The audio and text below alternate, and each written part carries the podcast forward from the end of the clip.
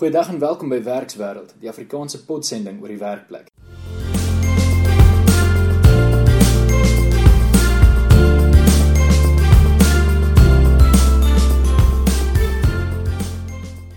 In vandag se onderhoud episode praat ons met Wouter Snyman van Natu.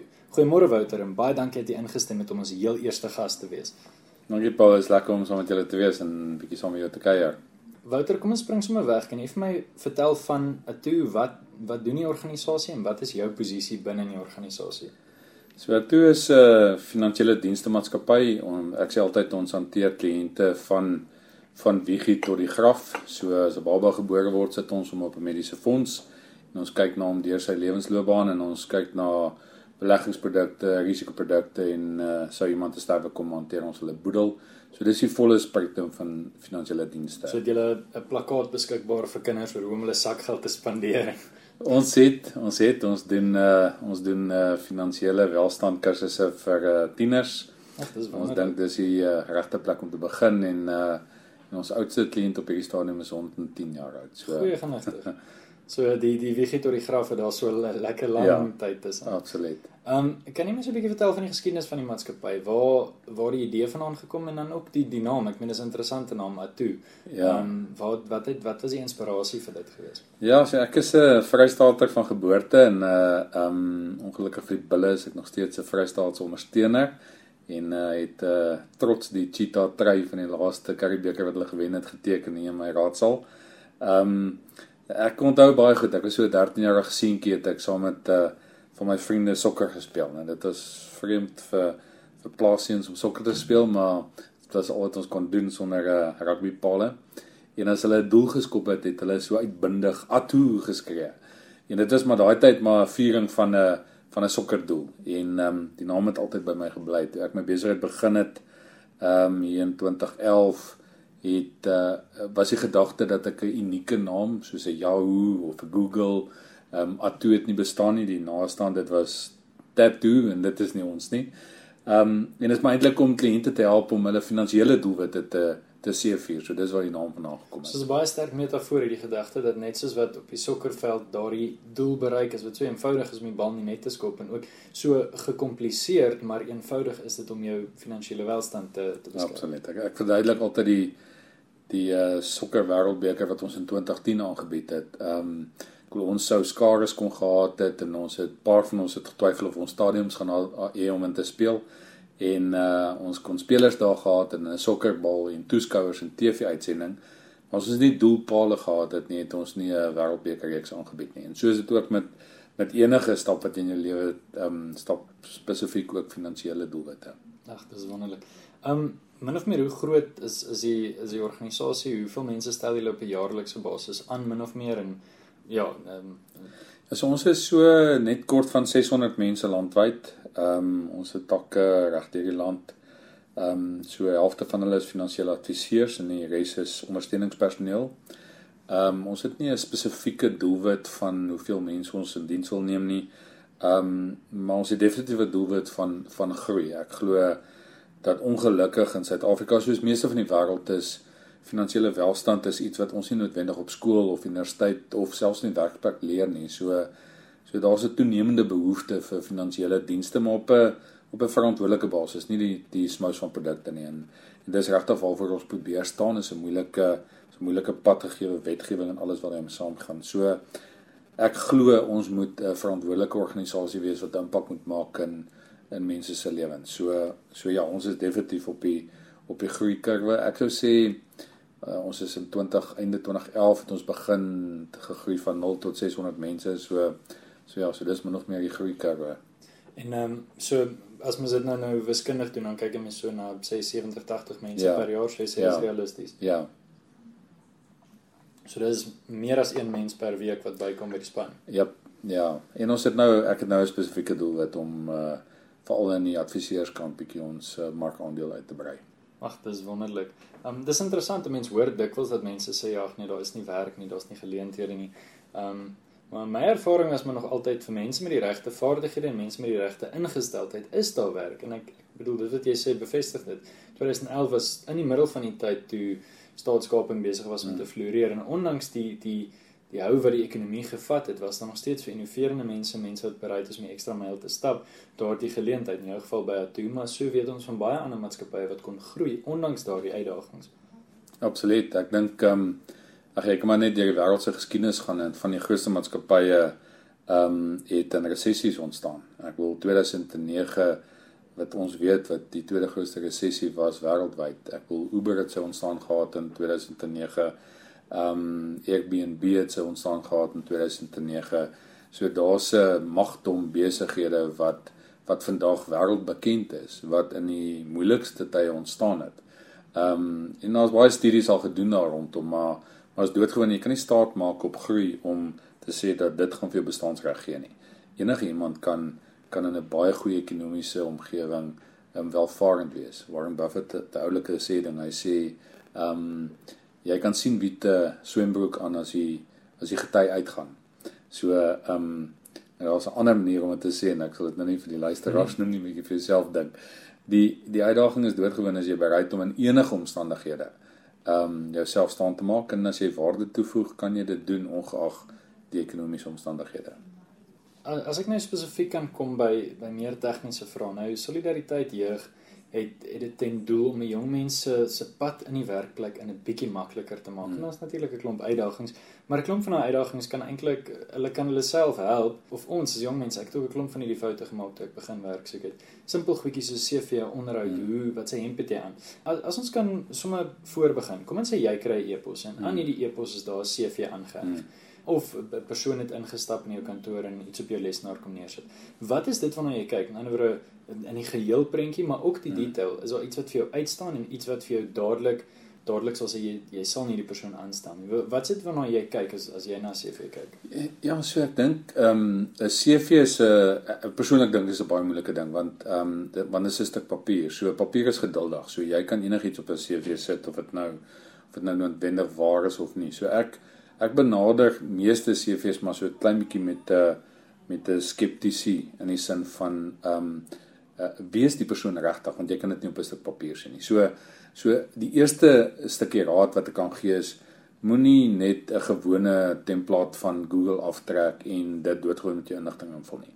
Wees uitsonderlik en uniek. Wees wees eg tot jou persoonlikheid want ons almal se persoonlikhede verskil. Jy moet 'n manier vind waar jou persoonlikheid uitkom. Maak seker dat as jy 'n foto van jouself opsit. Ek wil dit nie een van jou Facebook foto's wees wat jy nou net ehm um, gaan krop het en op jou CV plak nie. Uh doen bietjie moeite. Uh ek kan baie vinnig agterkom hoe ernstig is jy oor hierdie werksgeleentheid rondom jou CV. As jy na 'n spesifieke maatskappy toe gaan, so ons is 'n finansiële dienste maatskappy, wat vir my gaan uitstaan is het iemand bietjie gaan oplees oor ons. So en het hy daai verpersoonlik in sy CV. So want dan praat jy my taal. Is 'n CV en 'n onderhoud gaan nie eintlik oor jou nie. Dit gaan oor die werkgewer by wie jy is. Verstaan jy wie dit is? Ek het ouens wat my opdrag dan weet hulle nie eens wat ek doen nie. Ehm um, so die kans dat jy by my 'n werk gaan kry is feitelik nul. So 'n bietjie daai daai ekstra moeite. Iemand wat die ekstra ja. myl gestap het om om te wys dat hy regtig die werk wil hê en nie net sommer my CV uitstuur nie. Absoluut. En en dit gaan ek wil As jy instap by my en en die hoofopskrif van jou CV is nie noodwendig jou naam nie, maar is die unieke probleem wat ons in ons besigheid het en hoe jy dit gaan kom aanspreek met jou kundigheid en die ervaring wat jy het, dan het jy my aandag. Is dit nie 'n bietjie arrogant nie? Ek ek hoor dit jy sê en ek het al die benadering hmm. gehoor dat jy stap in en jy sê ek dink hierdie is julle uitdaging, ek dink hierdie is hoe ek dit kan oplos, maar daar's ook mense wat dink dit is bitterlik arrogant vir 'n vir 'n jong mens om in te stap en te sê jy het my nodig. Ja, so dis nie so my aanslag sal eerder wees van as ek kyk na die industrie sien ek hierdie is dalk een van die groot uitdagings. Ek wonder of dit ook geld in jou besigheid. En dis die tipe van antwoorde wat ek sou gaan want hy gaan nie noodwendig weet nie. Maar jy jy het nodig om met drie ouens te praat en ek moet dit net weet. Ek moet weet jy het die opgedaag en jy het jou huiswerk gedoen. Wys vir my die belangrikheid wat jy ag in 'n loopbaan in my besigheid. Um ek stel jou nie aan vir 'n graad nie. So ek ek het 'n paar grade gaan doen. Dit wys my dat jy dissipline het. Dit sê nie vir my jy het enige kundigheid nie. Um ongelukkig boekkennis en besigheidkennis, daar's 'n wêreldse verskil. Wat ek wil sien is demonstreer jy dat jy 'n ruggraat het. Want dit is vir my belangrik, is jou houding. Um stap jy in jy moenie arrogant wees nie, maar terselfdertyd moet jy ook nie um 'n totale onderdanigheid het in terme van jy moet hier wees omdat jy hier wil wees en omdat jy my wil oortuig dat jy die regte persoon is en ek sal dom wees om jou nie aan te stel nie. Ek moet nie eens verder kyk na jou CV nie, want ek mense doen besigheid met mense. Nie ja. met CV's nie, nie met grade nie, met geen van daai goed. Ek wil sien wie's jy as 'n mens. As ons dan as ons dan verder sou gaan en sê jy het, jy het 'n CV gekry en en dit het jou aandag getrek en jy kan sien hierdie persoon stel belang en hierdie persoon sit oor kan die tafel van jou in 'n onderhoud. Um, en jy, jy het nou so so 'n bietjie iets gesê van ruggraat en en tipe mens van wie jy kyk, maar tipies die luisteraars wat wat wat na hierdie podsending luister is dalk iemand in sy finale jaar en hy het 'n hmm. onderhoud in Julie en Augustus. Wat is dit wat hy wat goed natuurlik ook die maatskappye verskil, maar wat is dit waarna jy kyk en dan belangrik, wat is dit wat wat die persoon nie moet doen nie? Wat is daai een ding wat dadelik vir jou die deur toe maak? Ja, so ek ek dink ehm um, kom ons praat oor die maklike deel wat maak die deur toe is dat as as iemand my glad nie my aandag gaan trek nie. Ek wil hy's maar net nog een van vele. Ehm um, en dis 'n baie moeilike ding want jy want dit kom al met ervaring in terme van watter watter tipe autoriteit het jy en en ehm um, maar terselfdertyd vir my die belangrike goed is is is hierdie iemand wat bereid is om te leer. Ehm um, want jy daag hier op met met boekkundigheid en dalk ek bedoel is die intelligentste ou in die wêreld. Maar kan jy dit demonstreer en En my vraag gewoonlik vir ouens is dat sê gou vir my hoeveel boeke het jy gelees en of tydskrifte oor die industrie waarin jy nou 'n werk soek? Want meeste ouens dink as hy sy graad het, is hy klaar geleer. 'n Formele graad gaan vir jou werk gee. Ek wil informele studies gaan vir jou loopbaan en welvaart skep. So ek wil sien dat ou is bereid om te leer. Hy moet dit kan demonstreer vir my. Ehm um, ek wil weet dat hy ek gaan hom 'n paar vrae vra rondom aktuelle sake wat relevantie het op ons industrie en ons besigheid. Ehm um, luistery. Menende luistery na na potgoeie soos die waar daar waardevolle inligting is wat wat gedeel word met mense. Ehm um, en dan wil ek sien dat hy regtig belangstel. Hy moes bietjie navorsing gaan doen het. Ek wil dit sien in sy in sy houding teenoor ehm um, die gesprek wat ons het. Uh het hy as ek vir jou vra, jy vra ehm um, 9 uit 10 sê vir my nee. Jy moet 'n lys van vrae voorberei. Dit wys vir my jy is voorberei hierso. Of daai vraag relevant is of nie, dit sê net vir my jy het moeite gedoen. Tik daai vraag uit, sit dit voor my neer en sê hier's tipies die vraag wat ek wil hanteer want dit beteken net jy is voorberei. En ehm um, dit wys my die belangrikheid van onderhoud wat jy wat jy in deelneem. Ja, en dit dit wys ook dat dit dat dit vir regtig belangrik is. As ek as ek op baie punt kan vra wanneer mens nou nou kyk na die onderhoud, is dit behoort behoort die jong mense dit te sien as as 'n as 'n vakkundige toets of as 'n persoonlikheidstoets of as iets tussenin. Nou jy, jy het al reeds gesê dat dat, dat tot 'n groot mate wanneer iemand studeer, dit wys dit nie dat hy daai kennis het of so nie. Hmm. Maar aan die ander kant verwag jy ook ten minste dat hy bietjie iets al moes gelees het en en bietjie moes gaan dink het miskien hieroor. So vir jou, waar's daai waar's daai balans tussen die kennistoets en die persoonlikheidstoets? Wat se kant toe val dit vir jou? Uh, ja, so ek stel 100% aan vir persoonlikheid. Ek sal um, ek kan enigiemand ons industrie leer. So die die vaardighede wat daarmee saamkom kom nie uit boeke uit nie. Boeke gee gee vir ondersteuning. Ek wil dit gee vir jou die die inligting wat ander ouens dalk nie het nie. Inligting is nie kundigheid nie. So kundigheid is die toepassing van inligting. So as jy 'n graad gaan doen dit in in baie gevalle ehm um, ongelukkig sit ouens met teoretiese kennis. Hy het dit nog nooit toegepas in die werklikheid nie. So yes, dit is belangrik want dit beteken ek hoef dit seker nie te leer nie. Ongelukkig dink ek die manier hoe meeste van ons graadkursusse heidaglik gestruktureer is is 'n hengse hoop inligting 'n groot gedeelte van dit is onrelevant want dit hou nie by met die pas van verandering wat ons daar buite ervaar nie. Ehm um, ek het 'n jaar wat terug met uh ondergraads studente in bemarking en entrepreneurskap gaan gesels.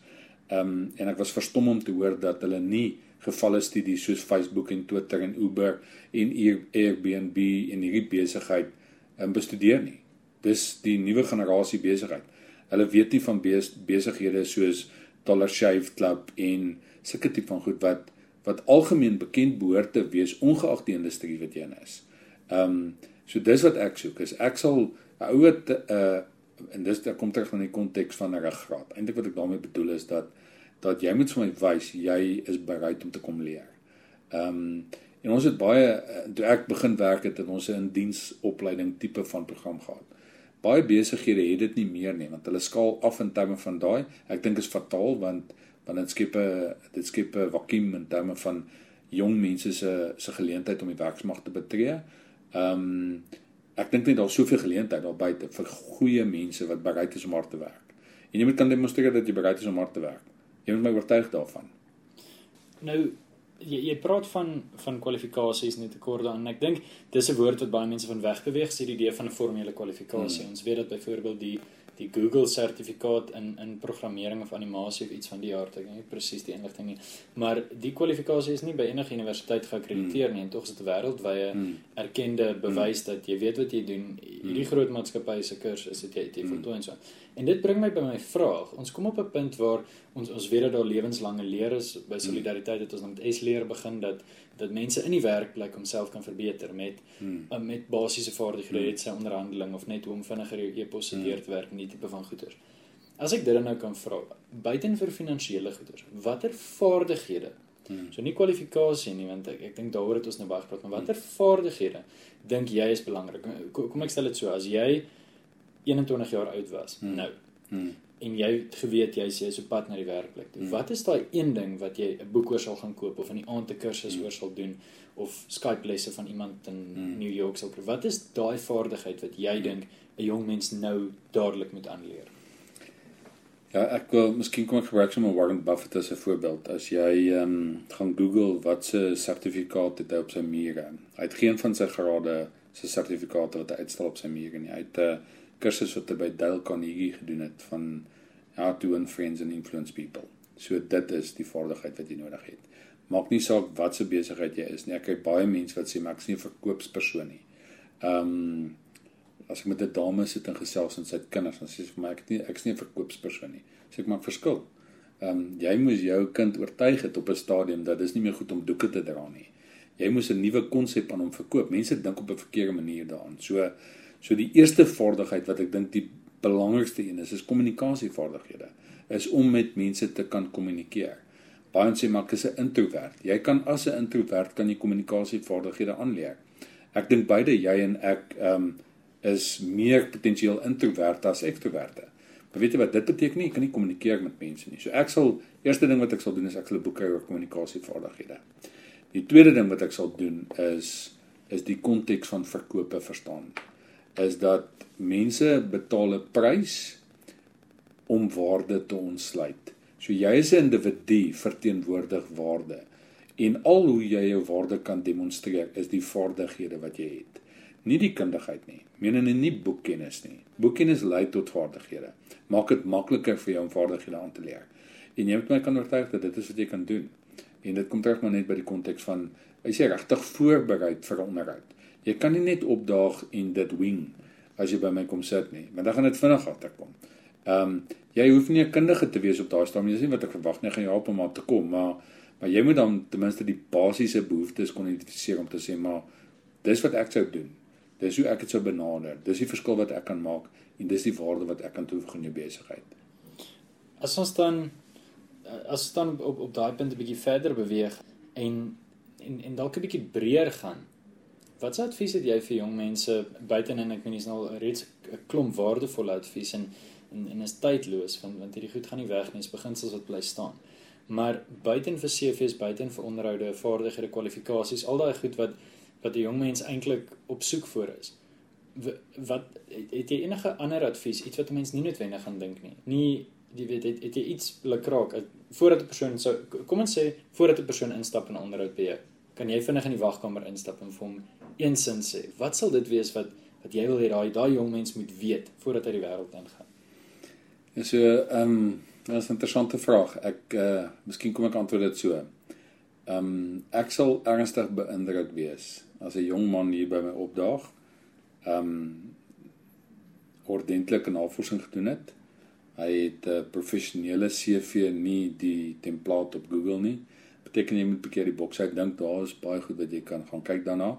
Um, so ek kan sien hy het 'n intensiteit en en as hy dan op 'n stadium in my oë kyk en vir my sê oom of meneer of wat hy my ook al noem, ehm um, Gee my 'n kans. Ek's bereid om 'n maand vir jou te werk sonder enige inkomste en jy sal sien dat dit is die beste belegging wat jy ooit gemaak het. So dis 'n bietjie van durf want uit die hart van die saak, ek gaan niemand aanstel en hom nie betaal nie.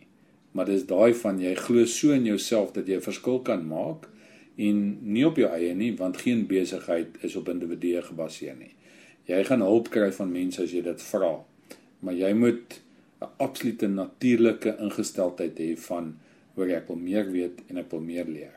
Ons, ons sien 'n geneigtheid onder jong mense en en is ook advies wat baie mense gee. Ek het een keer met uh, met Dr Teens Elof gepraat wat oor jare 'n groot mentor vir my was en toe vra ek vir hom, "Nee, weet wat se wat se kwalifikasie moet 'n mens gaan studeer? Wat's belangrik?" Toe sê hy die eerste ding wat vir iemand sal leer is om jou eie besigheid te begin. Absoluut. En nou nou wil ek vir jou vra jong entrepreneurs ek kies wat besluit luister ek ek kry nie 'n werk nie of hierdie hmm. hierdie 8 tot 5 ding werk nie vir my nie ek begin 'n besigheid. Hmm. Wat sê advies het jy vir hulle om jy weet hy begin nou met sy besigheid. Wat hmm. wat wat sê wat sê vir hom sê? Ja so die kern van 'n besigheid is ehm um, en die groot fout ek wil as jy nou kom ek kanteer is die negatief daarvan is dat ehm um, wêreldwyd is die statistiek dat uh, uit 100 besighede wat begin is in die eerste 5 jaar fout 80% van hulle. So beteken dit 100 bly 20 oor. Die volgende 5 jaar vou nog 80% van daai. So dit beteken 4 besighede bly oor na 10 jaar. Dis nooit as gevolg van 'n gebrek aan idees nie, want meeste besighede kom uit 'n goeie idee uit. Dis ook nie 'n gebrek aan vaardighede nie.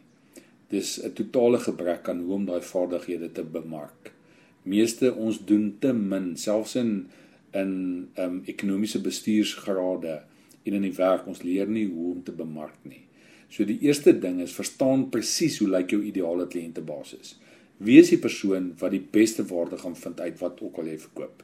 Of dit 'n produk is, of dit jou kundigheid is, of dit jou tyd is, maak nie saak nie. Um vind uit wie jou ideale kliënt is, want dit hierdie gedagte dat jy op TV adverteer en miljoene rande of hoeveel jy ook wil betaal, is eintlik sinneloos want jy adverteer aan almal wat TV kyk. Hulle is nie almal jou kliënte nie. Op 'n stadium vra ek vir ou, lyk like jou ideale kliënt toe sê neem 'n pen kan vashou en 'n cheque kan teken. Ehm um, nou dit beteken dis min of meer 20 miljoen mense in Suid-Afrika. Dis nie die waarheid nie. Vind ja. uit wie jou ideale kliënt. Die tweede ding is vind uit wat sy grootste pyn of probleem rakende jou produk. En dit is nie dit gaan nie oor jou produk nie. Mense word nie wakker in die oggend in ons besigheid en het 'n dringende behoefte aan 'n polis nie.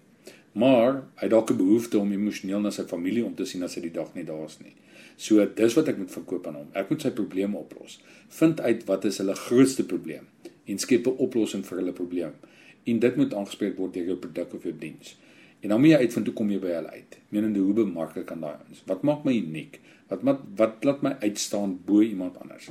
Gebruik jou kundigheid en sit dit in 'n eenvoudige e ehm um, e-boek wat jy kan uitgee vir nuut. Jy skep hom eenmal en jy kan 10000 van uitskep uitstuur. Dit kos jou nie geld nie doen iets unieks wat ander ouens nie doen nie, maar wees persoonlik. Ehm um, besigheid gaan ook oop verhoudings. En in meeste gevalle gaan dit oor persoonlike verhoudings. Moenie vir my 'n e-pos stuur wat nie my in persoon aanspreek nie. Wys my jy het nie jou huiswerk gedoen nie. Sê beste Wouter. Ehm um, dan weet ek jy het so klein bietjie gedoen. Jou inleiding reël moet ek kan agterkom hoorie maar jy het jy het bietjie gelees oor my en of ons besigheid. En dit gaan nie oor ego nie, dit gaan nie daaroor dat daar's nie 'n beter klank as om jou eie naam te hoor nie. Die meeste ou doen nie daai moeite nie, dis eenvoudige goedjies hierdie. Ehm um, en dan as ek daai verhouding het, 'n verhouding bou jy oor tyd. Verhoudinge het drie elemente. Een, persoonlik. Tweede ding is jy moet waarde toevoeg en die derde ding is jy moet dit gereeld doen. So as jy nie met die eerste keer dit reg kry nie. Ek hou daarvan om ouens se boeke te lees soos um, Jeff Bezos wat nou die rykste in die wêreld is. Um, Ek wil die hoeveelheid foute wat hy gemaak het op sy reis na na sukses toe is enorm. Wees bereid om foute te maak, maar leer uit jou foute uit. Meer nog, gaan praat met ouens wat klaar die foute gemaak het, want dit is baie goedkoper om ander ouens se foute uit te leer. So gaan vind uit wie in jou bedryf, jou besigheid wat jy wil begin, dink jy is een van die twee of drie beste ouens. Gaan vra hulle vir 'n koffie. Hulle sal bereid wees om met jou te gesels. Meeste suksesvolle besigheidseienaars wat ek ken, is bereid om hulle kundigheid te deel onsuksesvolle ouens en ouens met egos gaan vashou aan hulle kundigheid want hulle dink hulle die intellektuele kapitaal tot dit en dit is doodgewoon net nie waar nie. Ja, hulle wil hulle geheime vir hulle self sorg van hou en dan dan vloei dit net in deur. ek ek weet ek het ek het gesê dat dat ons spesifiek fokus op die werkplek. Maar mens kan nie anders wanneer jy na die Suid-Afrikaanse werkplek kyk as om so bietjie te dink oor die politiek nie. So ek wil net vinnig vir jou 'n uh, uh, uh, laaste kan ons sê laaste vraag vra juis oor die Suid-Afrikaanse arbeidsmark. Hmm. Nou, die Suid-Afrikaanse jeugwerkloosheid met, met ander woorde almal tussen 15 en 24 wat wil werk kan werk en werk soek. Is hier by die 53%. Hmm. Dis die hoogste in die wêreld. Ja. Dit natuurlik maak dit die uitdaging groter en dit veroorsaak wel dit, dit gaan teen teen daartoe lei dat 'n klomp mense met baie angstige ore na hierdie hierdie pot gooi luister. Maar verder as dit maak dit veroorsaak dit baie onsekerheid. Wat's jou gevoel oor die Suid-Afrikaanse arbeidsmark op hierdie stadium? Ons het al hierdie miljoene werklose mense. Wat s'ie pad vorentoe? En uh is daar 'n oplossing of of moet ons nou maar of, of moet ons met 'n klomp goeters eers aangespreek word? Wat 'n manier ons hierdie ding kan regkry? Ja, so ek is 'n so ek se arts optimis ehm um, van nature. So so ek is in Suid-Afrika want ek glo jy het my hier geplaas met 'n doel um, ek die geleentheid om enige plek in die wêreld te werk, ek kies om hier te wees. So so so daarmee sê ek dat ek glo daar is 'n toekoms in Suid-Afrika. Daai toekoms is nie gebaseer op 'n uh, politieke party of die regering om werk te skep nie. Daar's minder regerings in die wêreld wat die kapasiteit het om werk te kan skep. So vir een as jy wag vir die regering om iets te doen, gaan jy lank wag. Ehm um, ek dink doodgewoon die oplossing lê nie in 'n uh, instansie of 'n politieke party nie. Dis nie hoekom hulle daar is nie. Hulle hulle doen ander goed en ongelukkig in ons geval ehm um, steel hulle 'n klomp geld. So so moet nooit jou jou verantwoordelikheid rondom 'n werk vir jou in iemand anders se hande plaas nie. Die tweede ding is 60% van ons werkskeping is in die informele sektor. So ehm um, so jy moet bereid wees om in daai informele sektor te gaan werk. Gaan gaan vind uit om 'n besigheid te skep nou vandag in Suid-Afrika is die maklikste ding ehm um, dis die maklikste tyd ooit om dit te doen. Jy het 'n selfoon nodig en ehm um, en jy kan letterlik met 'n selfoon kan jy besigheid begin. So gaan vind uit watse tipe besigheid het baie min kapitaal nodig. Is daar 'n behoefte? En kom ek vat 'n praktiese voorbeeld. As jy in jou straat afstap en daar's 'n paar besighede, ek kan jou beloof elkeen van daai besigheid het 'n potensiële tekort aan goeie kwaliteit kliënte en hulle het nie idee om hulle te kry nie. Begin boeke lees daaroor. Gaan na hulle toe en sê jy gaan vir hulle kliënte werf en kan hulle vir jou 'n uh, 'n fooi betaal daarvoor. Daar's soveel maniere, maar die internet nou jy kan die ekwivalent van Harvard, Yale, Oxford, Cambridge MBA kan jy verniet doen. Ehm um, op aanlyn e-platforms soos Udemy en en ek wil solidariteit beweeg nou ook in daai rigting. Gaan maak seker dat jy elke dag kwaliteit tyd gaan op sy sit. Ehm um, onlangs 'n onderhoud met Warren Buffett weer eens het uh die verhaal van hom wat is die belangrikste ding? Sê weet jy wat, hy het genoeg geld. Wel, hy moet hy is die derde rykste in die wêreld. Ehm um, so gaan dit nooit kan opgebruik nie. Uh maar hy kan nie tyd koop nie. So ek en jy het 86400 sekondes 'n dag in inkomste belê dit wys. So gaan vind uit wat mense se behoeftes is. En so ek dink wat werkloosheid dan betref, ons is in 'n krisissituasie. Ons kan dit nie wegwens nie. Maar dat dit nou ook die tyd is waar die beste geleenthede beskikbaar is om plaaslik en internasionaal jouself te kan kwalifiseer op 'n manier wat jy met 'n iPad of 'n rekenaar of 'n of 'n foon vir jou besigheidsgeleentheid kan skep. Jongste ehm um, uh, YouTube uh, miljonair is 'n ouetjie van ehm um, 8 jaar oud. Hy het verlede jaar 22 miljoen dollar um, verdien deur YouTube video's te maak oor persente wat hy evalueer en oopmaak. Hy ja. kan in net sowel in Suid-Afrika gesit het. Goed. So die geleentheid is legio. Ehm um, ek lees nou onlang onlangs 'n verhaal van ehm um, daar's nie iemand wat ek net wendig volg nie, maar in Amerika is die Kardashians is nou ehm um, is nou die uh klink dit vir my die mees bekendste mense sonder dat hulle rede het om bekend te wees. Maar die ja. jongste girl is 19 jaar oud. Sy het uh sy het 'n skoonheidsreeks begin wat sy aanlyn bemark en verkoop sy het 150 miljoen Instagram volgers. As sy 'n nuwe produk bekendstel, verkoop dit binne ure uit. Haar besigheid het sy begin toe sy 16 jaar oud was, sy's nou 19, dis 900 miljoen dollar werd. Sy het van die grootste internasionale besighede aangevat met haar eie persoonlikheid. Dit beteken nie om bekend te wees op TV vir al vir die feit dat jy nie bekend te wees nie. Ek en jy het 'n uh, geleentheid as ek nou 'n 'n jong ouetjie van 19 of 20 is wat pas afgestudeer het. Ek sal soos in dadelik begin uitvind hoe begin ek 'n aanlyn besigheid. Jy gaan enige plek in die wêreld kan besigheid doen. Die geleentheid is legio. Jy kan 'n besigheid in 'n dag begin en jy het 'n begroting 10 tiene van 100 rand nodig. So as geen verskoning vir enigiemand in Suid-Afrika om werkloos te wees nie. Ja, baie dankie Wouter. Ek dink ons gaan op daai baie hoë noot afsluit. Uh dankie aan jou as luisteraar. Dit was Werkswêreld. Teken gerus in op Solidariteit Jeug om jou weeklikse stukkie werkplek advies en jou maandelikse onderhoud met 'n werkgewer te luister. Geniet 'n dag en lekker werk.